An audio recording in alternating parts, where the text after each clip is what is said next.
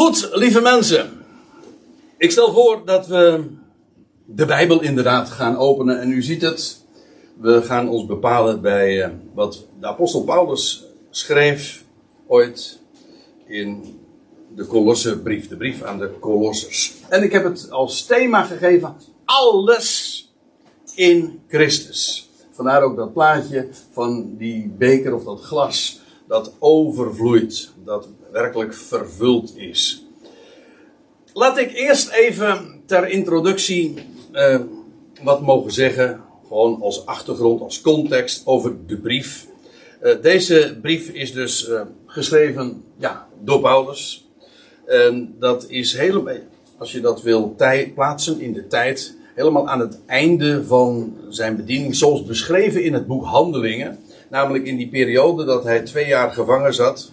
U zegt, ja, maar dat was die, zat hij verschillende keren. Want hij zat in Caesarea ook ooit een keer twee jaar gevangen. Maar ik heb het nu over die gevangenschap in Rome. En dat zal zo ergens rond 60, 61, 62 van onze jaartelling zijn geweest. En met opzet heb ik even ook de schriftplaatsen genoemd. Waar, uh, waar dat uh, ook te achterhalen is. Paulus schreef deze brief dus vanuit Rome. En aan de Ecclesia te Colosse. En dat is dus hier, ergens. En dat. Uh, je leest ook, en we zullen dat trouwens straks ook zien. Dat was een plaatsje dat nu trouwens niet eens meer bestaat. Het is nu alleen nog maar uh, ja, een, natuurgebied, zeg maar. Als je dat bezoekt. Maar ooit, 2000 jaar geleden, was het dus een betrekkelijk kleine plaats. In de buurt van uh, Laodicea en trouwens ook van Hierapolis. Dat waren allemaal stadjes daar in de nabije omgeving. Deze Ecclesia, deze gemeente zo u wilt, die was ontstaan door de prediking niet van Paulus. Paulus is vermoedelijk daar nooit geweest. Dat kun je uit verschillende teksten ook afleiden. Ook dat zullen we straks trouwens nog zien.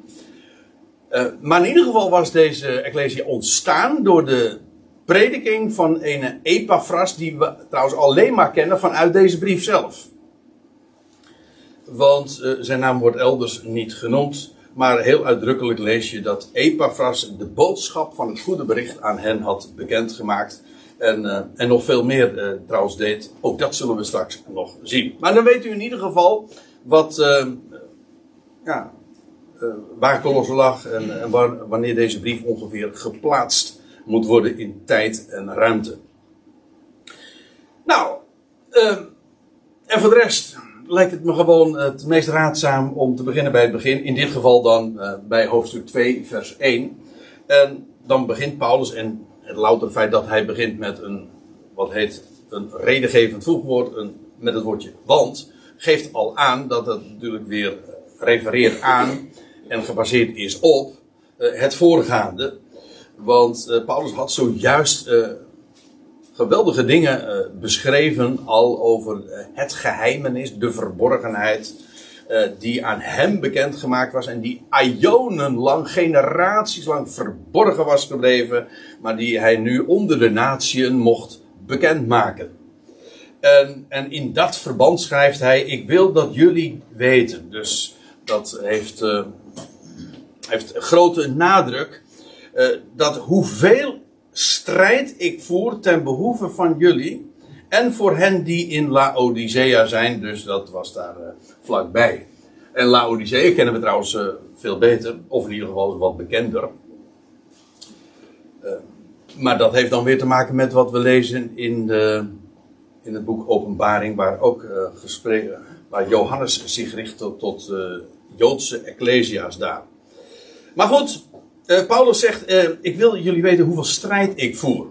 En ik noemde zojuist al even de naam van Epaphras. Maar die strijd waar Paulus het hier over heeft, die deelde hij met deze man. Want dan lees je in hoofdstuk 4, dus dat is het einde van deze brief, in vers 12 van hoofdstuk 4 van Colosse dus. Uh, Epaphras groet jullie. En die één uit Julius. Hij was dus een kolosser. Of een colossens. Uh, dat hangt een beetje vanaf uh, hoe je dat wil zeggen. Maar uh, hij is een, een slaaf van Christus Jezus. En daarmee is ook aangegeven dat deze Epaphras wist, ja niet alleen maar dat hij het eigendom was van Christus, maar dat wat hij zei, dat dat volstrekt onderworpen is aan wat Christus te melden heeft. En dan staat er van hem, hij is altijd strijdend ten behoeve van jullie. Hoe dan wel? Wat bedoel je daarmee? In welke zin streed hij? Was dat fysiek? Nee, het staat er gewoon bij. In de gebeden. En hoezo was daar dan strijd? Wel, opdat jullie zouden staan, volwassen en ten volle verzekerd in heel de wil van God. Dat was de strijd van Epaphras. En dat geeft aan, het louter feit dat het, het woord strijd gebruikt wordt, geeft aan dat daar dus tegenstand was. Of in elk geval, en dat zullen we ook zien, kapers op de kust. Paulus is buitengewoon enthousiast over wat hij gehoord had over die geloofsgemeenschap daar in Colosse. En dat had hij allemaal vernomen ook van Epaphras. Maar hij was zich aan de andere kant ook bewust van de gevaren die hen bedreigden. En dat ze niet zouden. Ze stonden waar, ze stonden weliswaar. Ze waren ook geworteld, we zullen dat ook nog zien.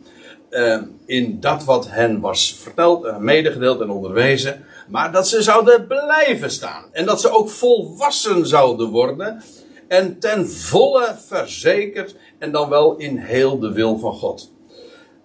Want uh, Paulus motiveert dat dan nog. Hij zegt: Ik getuig van hem dat hij veel moeite doet. Nou, dat is dus die moeite. Het was dus niet alleen maar dus dat Paulus, die Epaphras ooit uh, aan hen het evangelie had verteld.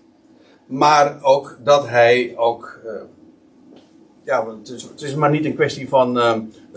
een kwestie van het evangelie daar droppen en dan ga je weer verder en dan en dat hij hen aan hun lot heeft overgelaten. Nee, het was hen, hem er alles aan gelegen dat nu ze dat evangelie hadden ontvangen, dat ze daarin ook zouden staan en zouden groeien in inzicht, in heel de wil van God en daarin steeds steviger en, uh, zouden staan en bevestigd zouden worden. En, en daar was die Epaphras dus uh, zo uh, ja, druk mee doenden, ook in de geest, en dat hij alles daarvoor deed. Eh, want ik getuig dat hij eh, veel moeite doet ten behoeve van jullie en ten behoeve van hen die in Laodicea en in Hierapolis zijn. Maar ik vertelde u al, dat zijn plaatsjes, uh, of plaatsen die daar dichtbij in de buurt zijn van Colosse. Dus ook daar was deze Epaphras drukdoende en direct bij die arbeid betrokken. Dus dan weten we ook uh, waar Paulus op doelt als hij zegt van ja, hoeveel strijd ik voer. Dus de strijd die, die Epaphras voert, dat was dezelfde als die Paulus ook uh, voerde, want hij, dat was waar het om gaat. Ik heb juist afgelopen vrijdag hadden we, had een bespreking met, uh, met een hele club jonge mensen in, in Rotterdam. En toen ging het ook over, over de gebeden van de apostel Paulus. En dat zo opvallend is. We hebben het er wel bij een andere gelegenheid ook wel eens een keertje daarover gehad dat hij Paulus niet bidt voor, uh, voor de dingen van hier op aarde. Van Heer, wilt u ons leiden? Of uh, wilt u geven dat de, de zus of zo geregeld wordt? Daar, als het daarom gaat, leefde hij in dankzegging. Nou, bij één uitzondering heeft hij. We lezen een keertje dat hij drie keer bij, aan de Heer gevraagd heeft: van alsjeblieft. En toen kreeg hij als antwoord: niet zeuren. Nou ja, ik, Nee, dat, nee, dat, nee, dat gaat niet. Maar uh, kinderen die vragen. Uh, nee, mijn genade is, jullie, is jou genoeg. Dat was het antwoord. En wat was, als hij, uh, in zijn gebeden was hij actief. En waarom? Opdat de gelovigen ook zouden weten, nee, en zouden beseffen de rijkdom die ze hebben. En dat is het aller, aller, allerbelangrijkste. De aardse omstandigheden, hij leidt dat. Op voorhand. Maar het gaat erom dat we in alle omstandigheden, eh, omdat onze harten daarin volledig gevuld worden. Steeds meer en volwassen worden. En ik denk dat wat dat betreft, eh, ja, dan zie je ook uh, hoe, hoe wijds uh, Paulus' zicht was. En hoe, hoe hij ook werkelijk ge, gefocust was uh, op de dingen die er werkelijk toe doen. Wij denken dat de aardse omstandigheden en hoe dingen gaan allemaal zo belangrijk zijn. Maar weet nou gewoon op voorhand al van, ach, hij leidt dat. En zijn genade in alles is genoeg. Het gaat er maar om dat ik dat ga beseffen. En dat ik daar juist in al die omstandigheden zicht ga krijgen op, de, ja, op het grootste. Op die, die, dat geweldige plan van God. Dat wat God voornemens is. Wat God wil. Hè? Dat, dat was toch wat, uh, wat hij zei? Hoe was het ook weer? volwassen en ten volle verzekerd in de hele wil van God. Niet alleen maar de wil van God in, met betrekking tot mijn leventje. Nee, de hele wil van God. En wat hij voornemens is. Nou ja. Uh, Paulus was daar ook dus uh, in diezelfde strijd betrokken. En, voor zover, en staat er hij bij. Uh, en voor zoveel die mijn aangezicht in het vlees niet hebben gezien. En dat vind ik wel mooi dat hij dat er zo bij zegt. Want dan denk ik van, dat is dus, dat zijn wij ook hier in Benthuizen. Toch? Ja, heb u Paulus aangezicht wel eens gezien? Nee? Nou, dan weet u meteen waar hij ook voor bidt. Die mijn aangezicht niet hebben gezien, maar die wel in diezelfde boodschap die hij uitdroeg en die Epaphras uitdroeg, stonden. Nou, dat is zijn gebed. Opdat hun harten, en dus ook die van ons, uh, bemoedigd en in liefde verenigd worden tot elke rijkdom van de volle zekerheid van het inzicht. Dat, zijn, dat is een hele mond vol hoor. Realiseer ik me wel. Daarom, ja, daarom moet je heel aandachtig lezen. Paulus heeft zijn woorden ook echt op een goudschaaltje gewogen. En God heeft dat uh, hem, geïnspireerd, maar vooral dat wat hij optekende is geïnspireerd. Het is levend, het is krachtig. Maar wat hier dus staat, is die volle zekerheid van het inzicht. Ja, dat, dat doet drie dingen. het bemoedigt harten dat, onze hart, dat jullie harten getroost. Maar het woord is breder dan alleen troost. Troost heeft te maken met verdrietige omstandigheden en dat je daarin werkelijk uh, bemoedigd wordt. Maar bemoedigd wordt is, is breder, want je kunt ook bemoedigd worden terwijl je helemaal geen verdriet hebt, maar dat je aangemoedigd wordt en dat je des te meer moed krijgt. En ik denk dat dat hier ook de gedachte is. De harten worden bemoedigd en het ver verenigt de harten in, en, en ons met elkaar in liefde. Er is niets wat zo krachtig en van binnenuit echte eenheid creëert, als juist uh, de zekerheid, de volle zekerheid van het inzicht. Die, boodschap die hij en Epaphras mochten uitdragen, uh, dat verenigt in liefde. Waarom? Omdat die boodschap ons bepaalt bij wat werkelijk liefde is, namelijk Gods liefde, agape. Die onvoorwaardelijke liefde die hij heeft voor zijn hele schepping. En zoals Colosse 1 al zegt, dat hij door het bloed van het kruis, als er ooit één bewijs is, absoluut bewijs is van Gods liefde voor deze wereld, dan is het het kruis van Golgotha. Als slaan ze Gods zoon aan het kruis, dan nog zegt God, en dat is wat het kruis uitbeeldt. Als slaan jullie mijn zoon aan het kruis, ik heb een plan met deze wereld en dat is onvoorwaardelijk en dat ga ik ook volvoeren. En ja, dat is dus liefde die over alles heen ziet en die niet kapot te krijgen is. Dat is Gods liefde. En dat, dat besef ook, eh, ja, dat verenigt in liefde. Dat is dat die, die verenigd, dat verenigd worden, dat is geen mensenwerk. Dat is geen kwestie van een clubje vormen of zo. Of uh, de, de, dezelfde liefhebberijen hebben. Of, nee, dezelfde lidmaatschap. Nee, dat heeft te maken met een boodschap. Dat werkelijk volle zekerheid en inzicht geeft. En het geeft ook toegang tot elke rijkdom. De hele schatkamer van God. Staat erbij, hè? Elke rijkdom. Mm, ja, alle rijkdom, of gewoon, noem een rijkdom, zoals Paulus dat in Efeze 1, trouwens de Efeze en de Colossense brief, die lijken heel erg veel op elkaar, zijn aparte, merkwaardige verschillen, maar ze lijken heel sterk op elkaar. Um, maar daarin zegt Paulus ook in Efeze 1 dat we gezegend zijn met elke geestelijke zegen te midden van de hemelsen in Christus. Noem een schat of rijkdom op die wij niet hebben. die is er niet. Uh, want wij hebben dat alles in Christus ontvangen. Het geeft toegang tot elke rijkdom. En nu komt het uh, tot besef van het geheim van God, Christus. Ja, dus als je het hebt over uh, elke rijkdom, namelijk. Van wat? Nou, van het besef. Dat woord besef, ik, ik, vind, dat, ik vind het een prachtig woord. Waarom? Omdat het uh, weten, het kennen te boven gaat. Letterlijk. Het is epignosis. Gnosis, dat is het uh, Griekse woord voor kennen, kennis.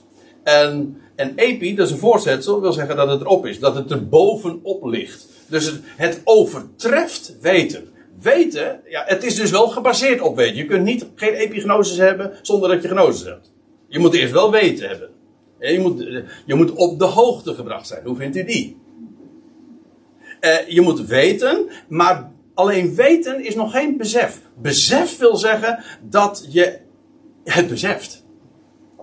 Er zijn heel veel dingen in ons leven die je weet, maar waar je soms pas op een veel later tijdstip, dat je het, je, wij zeggen dan, je gaat realiseren. Dat, je, dat het kwartje valt. Je wist het wel, maar dat is dan alleen nog maar iets van het hoofd. Dat bedoel ik niet minder waardig, want nogmaals, daar begint het wel. Maar het, de bedoeling is, en dan zie je dus ook waarom Paulus eh, en Epaphras bidt en strijdt.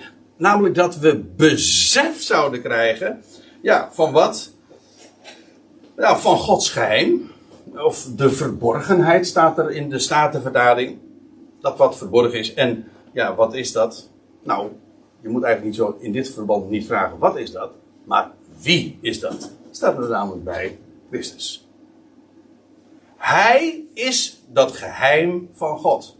En alle rijkdommen liggen in hem. En hoe weet ik dat? Nou, het staat er namelijk pal achter. In wie al de schatten van wijsheid en kennis verhuld zijn of verborgen zijn. Let op, al de schatten. Is niet voor niks, maar ik zal er uh, in de loop van deze toespraak nog meer op wijzen, dat uh, ik de titel uh, heb gegeven aan deze, aan deze studie, aan deze bespreking. Alles in Christus. Waarom? Wel, in Christus, ja, inderdaad, die is verborgen. Hij is verborgen. We zien hem dan niet. Maar alle schatten van wijsheid en wat er te weten is, liggen in hem. Dat is dus niet veel, maar alles. En alle schatten van wijsheid en kennis uh, zijn in hem verhuld. En ja, wijsheid heeft te maken met, uh, met uitzicht en met overzicht. Ik heb u wel eens verteld over dat woordje Sophia. Dat dat, dat uh, eigenlijk ter rijden is tot het Hebreeuwse woord voor Sophim. En dat is een uitkijktoren. dat is wat je, wat, je, wat je uitzicht geeft en overzicht geeft. Dus uh, dan zie je ook dat uh, uit, wijsheid inderdaad te maken heeft met dat je op de hoogte gesteld bent. En dat je daarom uh, niet alleen maar de details, de, de, data kent, maar dat je het geheel overziet. Dat je een wijdse blik kan krijgen, een grootse horizon.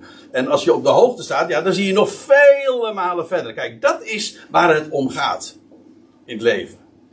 En waar, uh, waar volwassenheid, geestelijke volwassenheid over gaat. In hem zijn al de schatten van wijsheid en kennis verborgen. Want hij is degene in die dat geheim van God, uh, dat beantwoordt elke wezenlijke vraag. Zowel van dit, het hoofd, als ook van het hart.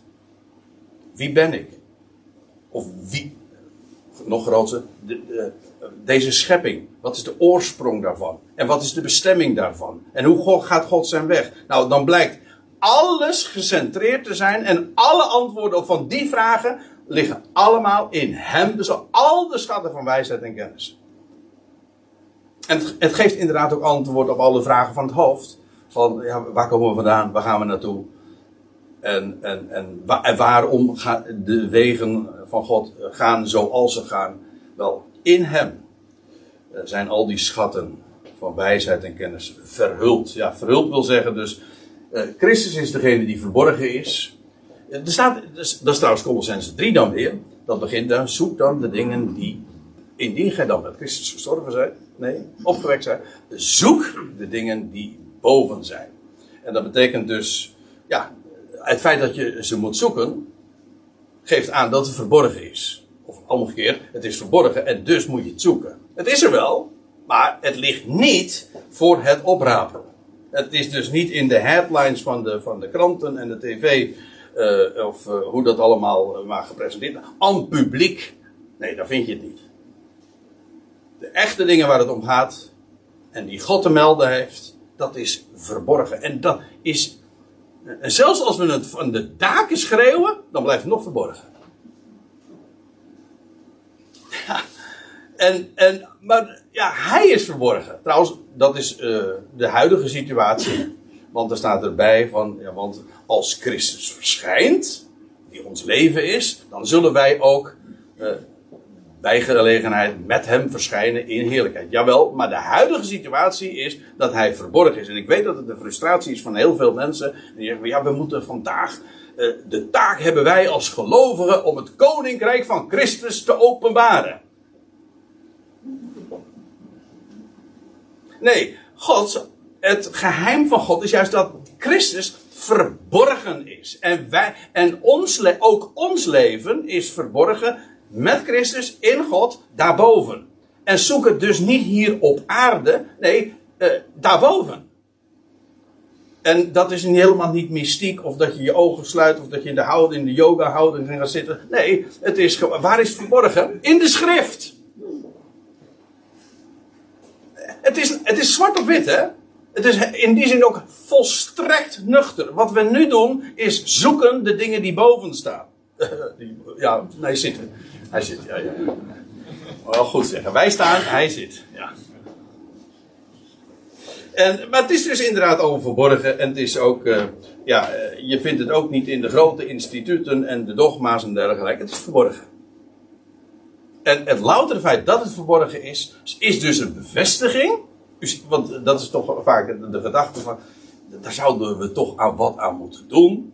Het is toch niet fijn dat dat niet uh, veel gebreder gedeeld en dat dat van, de, uh, van alle, via alle kanalen verteld wordt en iedereen ziet het en voelt het.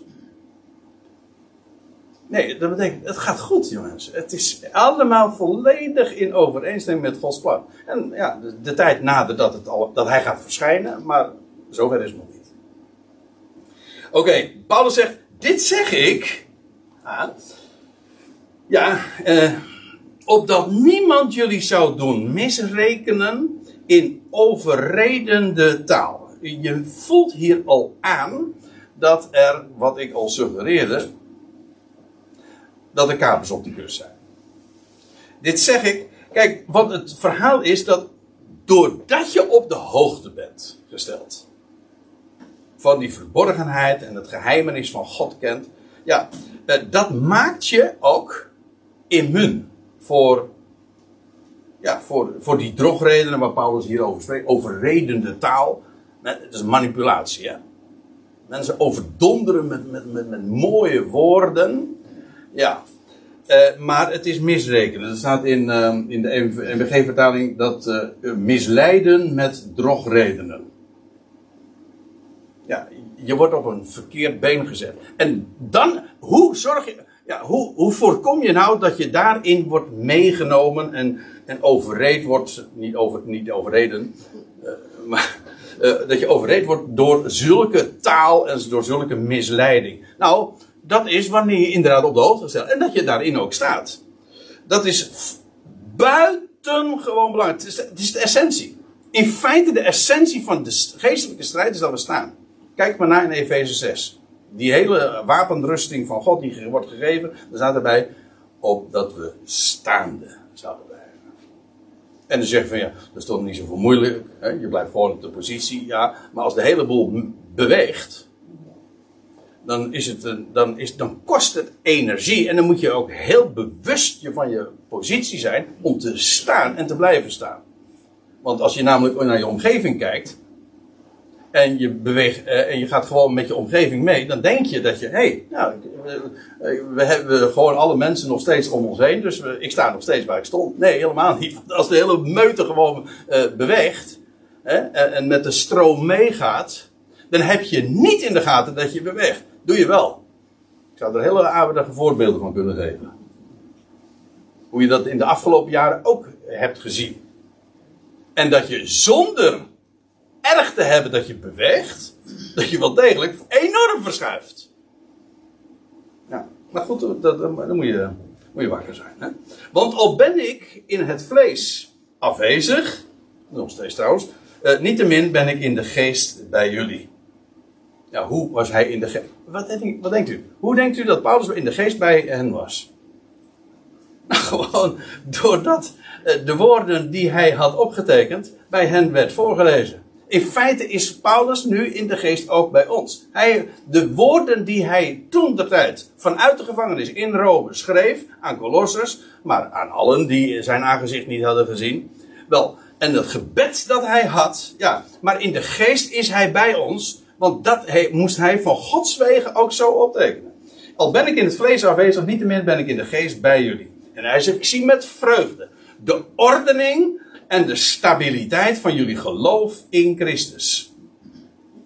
Um, ik zei al, Paulus is heel enthousiast. Ontzettend blij en dankbaar, dat schrijft hij ook al in het eerste hoofdstuk, over wat uh, Epaphras vertelt over hoe dat daar in Colosse ging en hoe, hoe hun hele leven, zeg maar, verblijd was door de, de boodschap van Gods genade.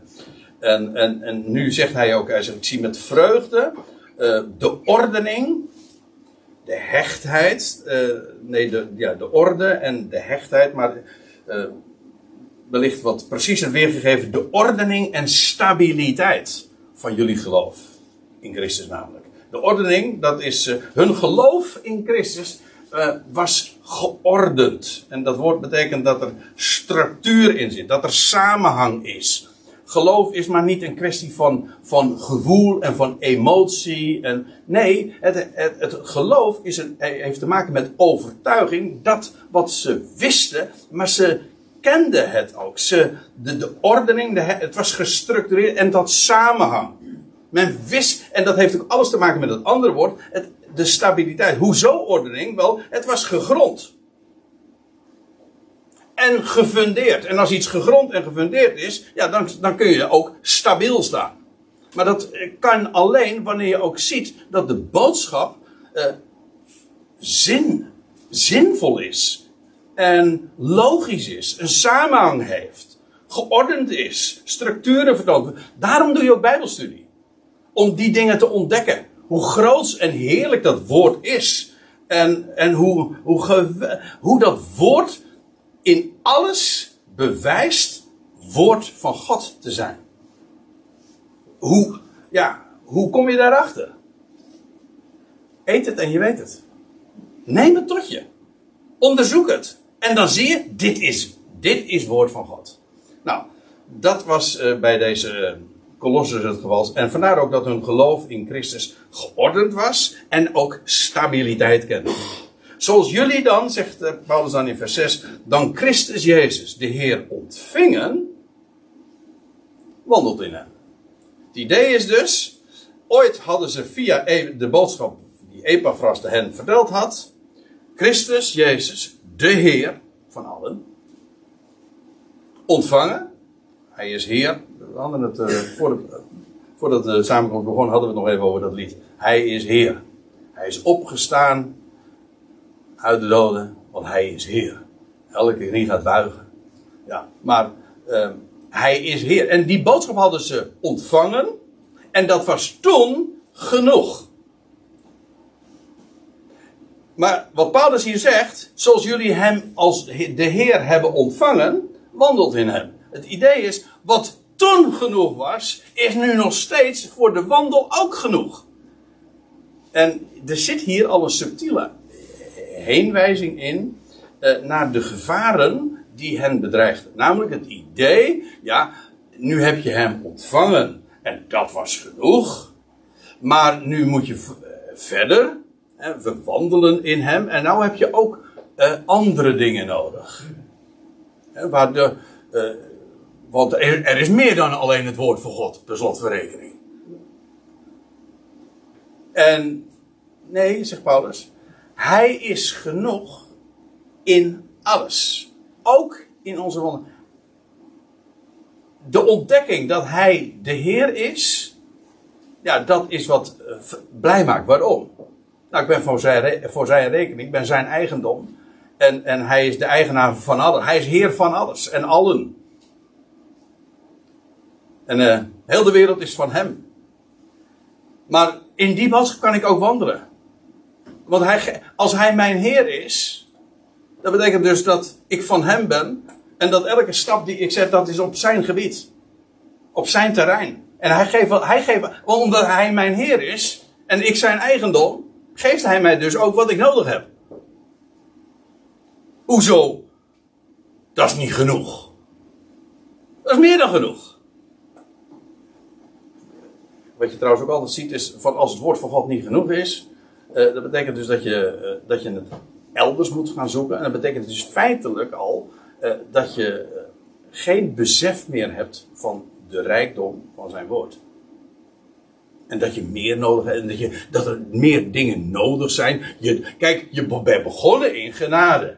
Ja, hoe vaak heb ik het niet gehoord? Weet je wel, dat je, je bent gered in genade. Maar nou gaat het om onze wandel. En hij is niet alleen maar. Ik, hoor, hoor wat ik zeg. Hij was. Ja, hij is, je hebt hem ontvangen als de redder. Als heiland. Maar hij is niet alleen je heiland. Jouw redder. Hij is ook jouw Heer. En nou moet jij doen. Nou moet jij dit. En dan komen de voorwaarden. En je was zo blij toen je hem ontving met die genade. En dan krijg je te horen, ja, maar zo makkelijk gaat het nu. Het is niet alleen maar, ja, dat zou wel mooi zijn. Nee, kijk, en op dat moment ben je dus gewoon, men is dan bezig je te overreden. Te overreden, ja, te, ja. Als je daarin meegaat. En dat is zo subtiel. En zo, hij is niet alleen, eh, hij is je redder, dat is dan heerlijk. Maar dat hij mijn Heer is, ja, dat is, nou, dat is minder, maar dat, is, dat hoort er dan ook bij. Dat hij mijn Heer is, daarmee ben ik ben ik ben namelijk zijn eigendom. Maar dat hij mijn Heer is, dat is juist de rijkdom van mijn leven. Want dat betekent namelijk dat hij alles geeft wat ik nodig heb. Ja. En dan, zoals jullie Christus Jezus de Heer ontvingen, wandelt in hem, geworteld zijnde en opgebouwd wordend in hem. Het is heel mooi, want uh, hier staan twee werkwoordsvormen.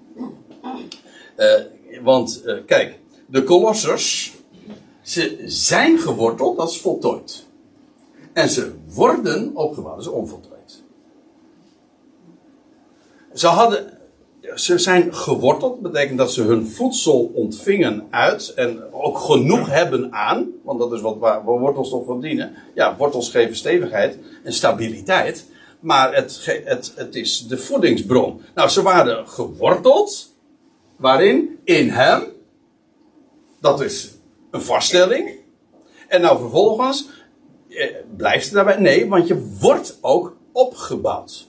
Dat gaat verder. En, uh, eigenlijk het ene is meer een biologisch beeld, het andere is, heeft te maken met uh, een bouwwerk. Je, we worden opgebouwd. Je krijgt meer zicht op dingen, meer besef van dingen. En je leert dingen. En dat is een proces. Ja, zo rijk als het woord van God is, die schatkamer van God, al die rijkdommen. Ja, eh, denkt u nou werkelijk dat je dat al weet? Ah, beseffen doen we het sowieso nog niet.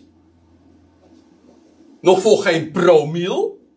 Echt, eh, ik meen het echt eh, serieus. We beseffen echt totaal nog niet die geweldige verwachting en de liefde Gods en alles wat God te mededeelt. We hebben er geen notie nog van. En we weten het trouwens ook nog lang en lang en lang niet allemaal.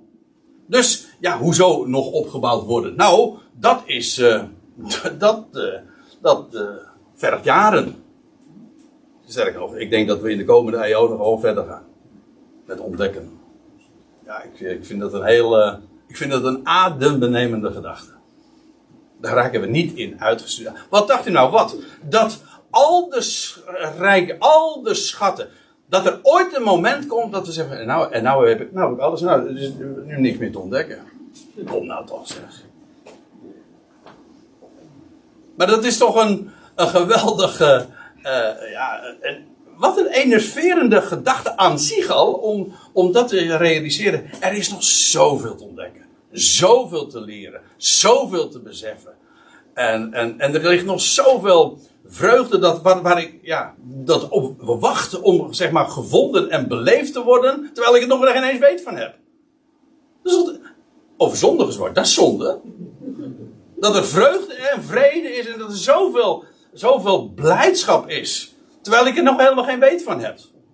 Dat is net zoiets als dat je, dat je op je bankrekeningen heel veel. Eh, eh, maar je weet niet eens dat het jouw bankrekening is. Nou, dat is zonde. Dus dat betekent dus allemaal dat dat, dat, gewoon. Uh, voor, ja, voor Jan Doedel, zeg maar, daar, daar ligt. Dat het voor jou is. Kijk. Oké, okay, geworteld zijnde en opgebouwd wordend in hem en bevestigd wordend in het geloof zoals jullie werd onderwezen. Niet in de kerk al hier. Ja, ja dat zeg ik even voor degene die uh, een reformatorische achtergrond hebben zoals ik zelf. En zo werd dat dan bij bepaalde formulieren gezegd. Zoals uh, in, de kerk, in de leer van de kerk zoals al hier geleerd wordt. Nee, zoals jullie werd onderwezen door Epaphras, in navolging ook van de apostel Paulus. over dat geloof gaat het. En daarin word je bevestigd. Trouwens, in waarheid word je altijd bevestigd. Daar is waarheid namelijk voor. Leugen uiteindelijk wordt ontmaskerd, maar waarheid dat wordt, wordt altijd uh, bevestigd. En, ja, waar, en dat betekent ook dat het geordend is en stabiel en gefundeerd. Ja, maar dat is. Van, je leest in hoofdstuk 1, vers 5 dus dat, aan, dat Epaphras hen de waarheid van het evangelie had verteld en medegedeeld. En waardoor ze zo uh, vervuld waren met vreugde. Ja, maar daarin vervolgens voortdurend bevestigd worden, vaster zodat je steeds stabieler wordt. En dat je ook dus steeds minder ontvankelijk wordt voor al die onzin, waanzin, bedrog, leugens die op je afkomen in een maalstroom. En die vandaag juist door al doordat we voortdurend eigenlijk bestookt worden met info, en desinfo. Uh, ja, dan word je met zoveel gemak meegevoerd. Dus daarom is het zo belangrijk om daarin vast te staan en bevestigd te worden. In het geloof zoals jullie werden onderwezen. En er staat erbij overvloeiende in dankzegging. Als het mij vraagt, is dat echt een. Uh, ja, je zou dat in de checklist moeten zetten van. Uh, op het moment namelijk dat je bevestigd wordt in dat geloof in Christus. Ja, wat is de uitwerking? Dat is karakteristiek. Van besef van genade. Kijk, als je genade ontvangt, dat wil zeggen, je ontvangt dingen om niet. En waar je blij van wordt. En wat is de uitwerking daarvan ook van? Ja, dan word je dankbaar. Je krijgt het zomaar. En wauw, voor mij is, is, is, dat, is dat? Ja, dat is allemaal voor jou. En er blijkt dan nog veel en veel, veel meer te zijn. En dat betekent, naarmate je gaat ontdekken, word je dus, hoe naarmate je meer besef van genade hebt, word je steeds dankbaarder. En je wordt overvloeiend. Dat wil ook zeggen, denk ik, dat het hart er vol van is en de mond loopt ervan over. Dat gaat het spreken karakteriseren. Namelijk, je gaat. Eh, dankbaarheid heeft ook alles te maken met vreugde. Garis, eugaris, dat is dankbaarheid. Garis is vreugde. Het is een uiting van vreugde. Het is overvloeiende vreugde. Ja, maar dat, hoe komt dat? Dat is niet omdat sommigen ja, dat is een kwestie van wat voor type persoonlijkheid je bent of wat voor eh, temperament je geboren bent. Nou, dat, ik zeg niet dat dat allemaal geen factoren zijn. Maar daar gaat het natuurlijk niet om. Natuurlijk niet. Dat is de uitwerking van de boodschap. Als je besef krijgt van de genade van God, dan werkt dat dankbaarheid uit. En hoe meer besef, hoe overvloeiender die vreugde en dankbaarheid wordt. En dan komt vers 8. En daar zie je dus uh, opnieuw uh, waarom Paulus deze dingen schrijft. Er, er zijn kapers op de kust. Kijk uit! We zagen het al in vers, wat was het, 5 of 6, uh, dat hij dat zei, weet waarom ik dit schrijf. Maar hier ook. Hier, wordt het heel. Eigenlijk dit vers, Colossense 2, vers 8, is een sleutelvers in deze hele brief. Want dit beschrijft namelijk de de eigenlijke aanleiding tot het schrijven van deze brief. Uh, kijk uit. Dat niemand jullie als een buit meevoeren of meeslepen, zegt de MBG-vertaling. eh, door zijn wijsbegeerte. Hier staat er eh, wijsbegeerte, maar in, het Grieks staat daar het woordje, wat we allemaal kennen, filosofia. Ja, filosofie.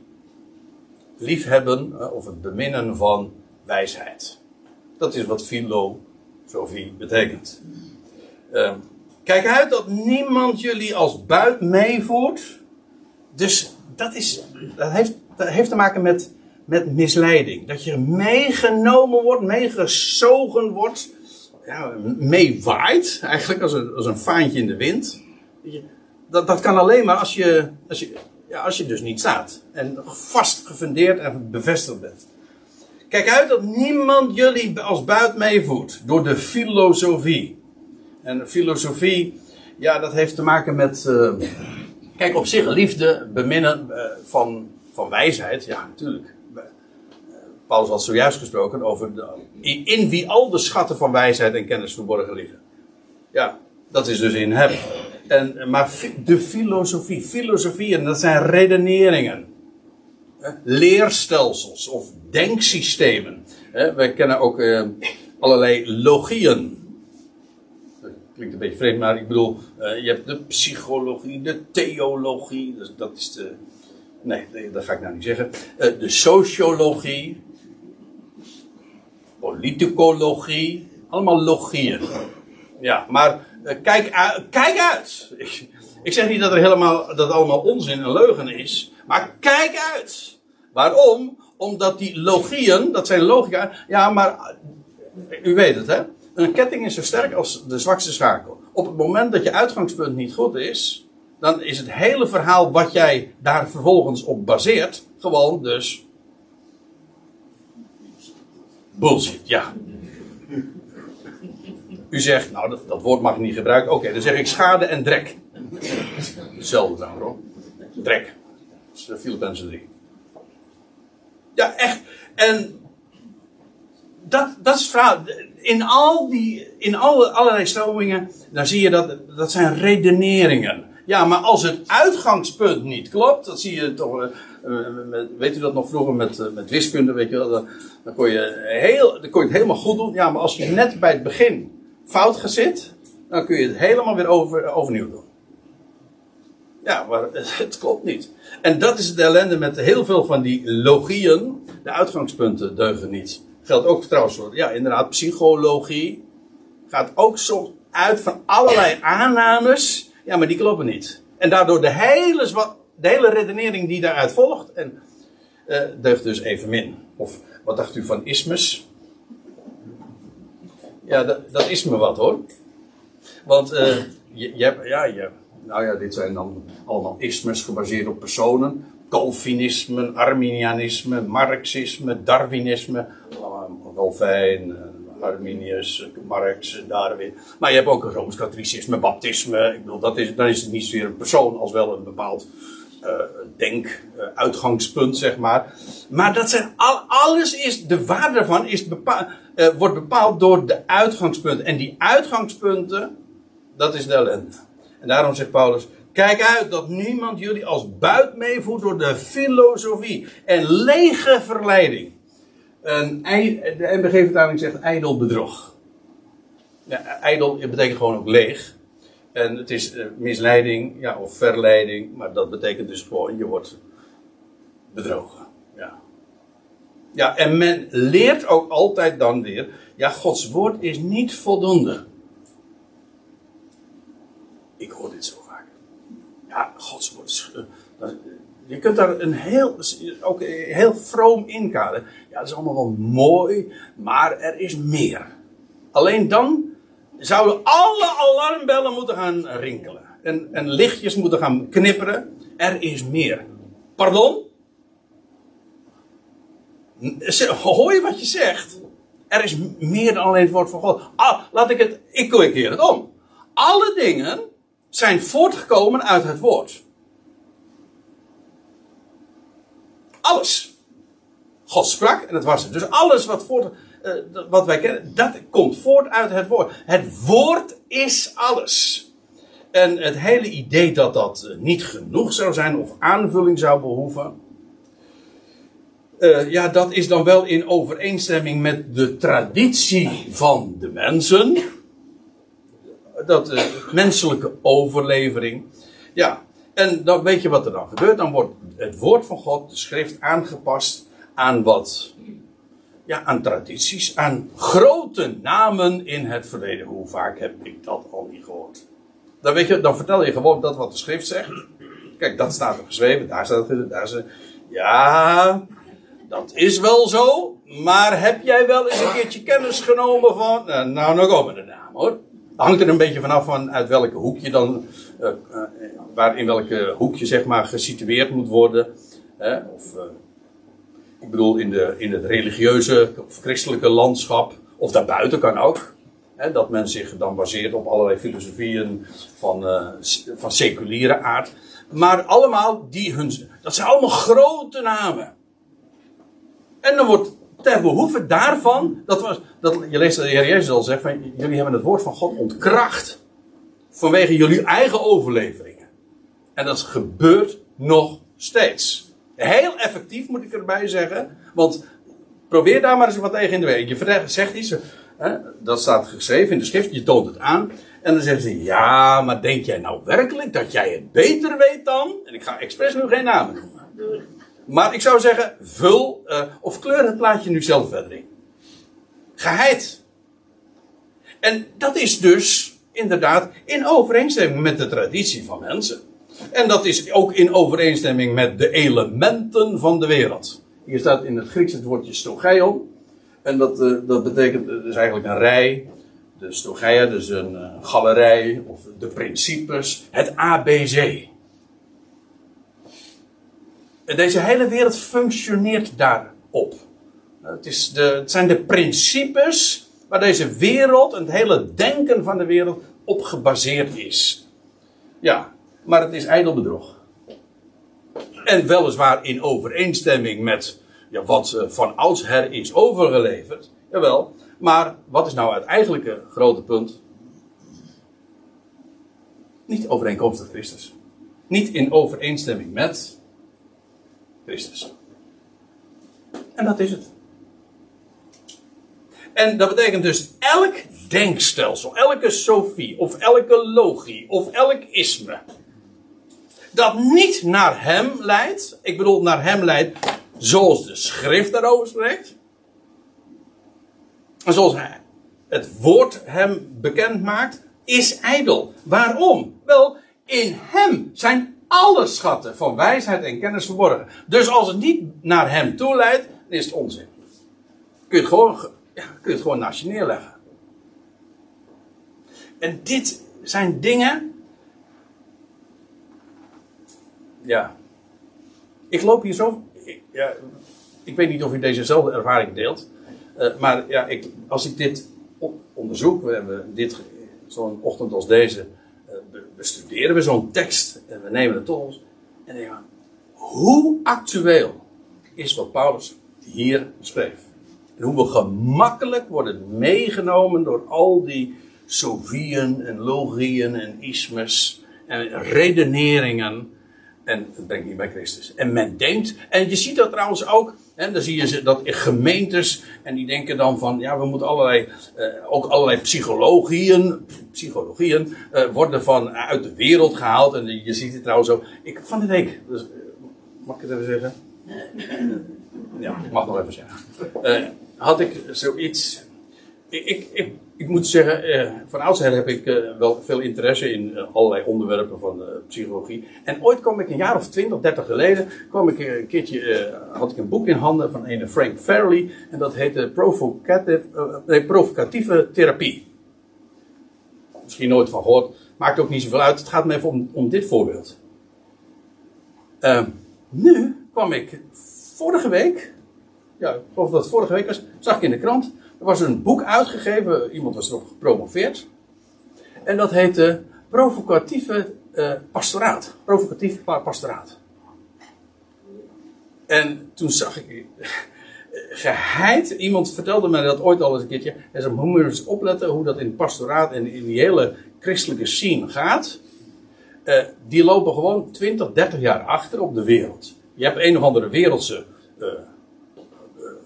populaire stroming. En geheid, die christenen zijn meestal niet zo heel erg snel. en dan uh, na verloop van tijd hebben ze daar een christelijk, christelijk sausje overheen gegaan, uh, gegoten. En dan, en dan, en dan krijgt het uh, die, die naam. En dan is het ineens christelijk. Onzin natuurlijk. Maar ja, wat ik er mee bedoel te zeggen is. Uh, het woord van God heeft werkelijk alle wijze. Als we werkelijk rijker willen worden, bekwaam willen worden en inzicht willen hebben, willen weten hoe het in de gemeente uh, zou gaan, onderling en, wat we, uh, en waar we naar zouden streven. Alles vind je in het woord van God. En al, al die dingen die van stal houden van managementtechnieken. Ja, om de gemeente te leiden mensen hebben totaal geen idee wat er in het woord van God staat. Maar weet je wat? Ja, hij heeft een geweldige managementfunctie. Die halen we naar binnen. Die gaat vertellen hoe we mooi uh, kunnen preken. En hoe we er een mooie organisatie van neer kunnen zetten. En zoals, hoe? Nou, zoals dat in het bedrijfsleven ook gaat. En dan krijg, dan krijg je gewoon een manager. En die daar, daar zijn, zijn wijsheid, zeg maar, zijn logie en Sofie en allemaal op loslaat. Mensen, het is ijdel bedrog. Het, is, het slaat ook nergens op, want het is trouwens wat je ook altijd ziet. Men denkt de, te verrijken. Weet je? Ja, het woord van God is rijk. Maar ja, die, weet je, die, die, die management gurus, die zijn, die zijn ook niet van de gekken hoor. Die kunnen ons heel veel vertellen. Weet je wat? Die halen we ook naar binnen. En, en, en, en, en de mensen hebben helemaal geen interesse meer in het woord. Wat bijna niet gepredikt wordt.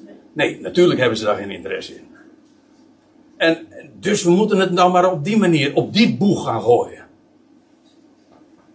En ja, ja ik geef zo een paar voorbeelden. Ik, ik zou concreet kunnen worden, doe ik niet. Want het gaat, het gaat inderdaad om het principe, op de achterliggende gedachte.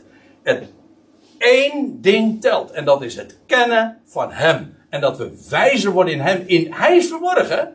Ja, maar alles in Hem ligt, uh, is bij Hem. En dan staat er in vers 9, daar wil ik mee afsluiten. Uh, want in hem woont al de volheid van de Godheid lichamelijk. Ook dat is trouwens een heel mond vol. Maar uh, het betekent in ieder geval dit. Alles wat God is, maar ook alles wat hij doet, dat zien we en het werkt via hem. Ik denk trouwens dat dit ook nog een verwijzing is, maar dat zeg ik voorzichtig, naar het lichaam van Christus. Waarvan hij het hoofd is. Maar heel de volheid van de God woont in hem. Dus als hij dan uh, niet in die logieën en sofieën en ismes en naar voren gebracht wordt, of het leidt niet naar hem, nou, dan, dan weet je op voorhand dat je gewoon op een dwaalspoor gezet bent. Want in hem woont al de volheid. Van God notabene. Lichamelijk. Hij, de opgewekte. En zegt Paulus erbij, en jullie zijn compleet in hem. Hoezo? Uh, ja, je kent nu hem wel, maar nu moet je ook nog, uh, nou ja, uh, dit ondergaan. Een rieten, of je moet lid worden van onze club, of je moet dit, dat. Nee, in hem zijn wij compleet. In alles. Je hebt niks buiten hem nodig. Ja, ik moet zeggen, ik vind dat, dat is, dat is zo'n geweldig uh, blij bericht. Al die verhalen van, ja, maar de, uh, je zou eigenlijk ook nog uh, bij die autoriteit, bij die grote naam moeten wezen. nee, zegt Paulus, jullie zijn compleet in hem. En hij, hij, namelijk, dat, hij is het hoofd van alle overheid en autoriteit.